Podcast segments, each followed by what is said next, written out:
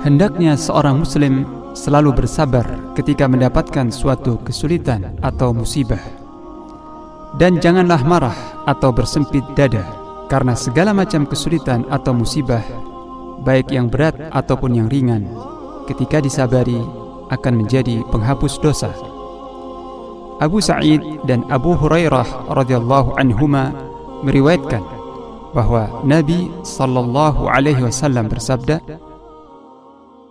ما يصيب المسلم من نصب ولا وصب ولا هم ولا حزن ولا اذى ولا غم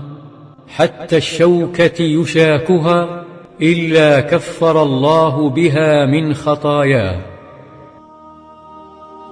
Jika seorang muslim tertimpa suatu kesusahan atau kepenatan atau kegundahan atau kesedihan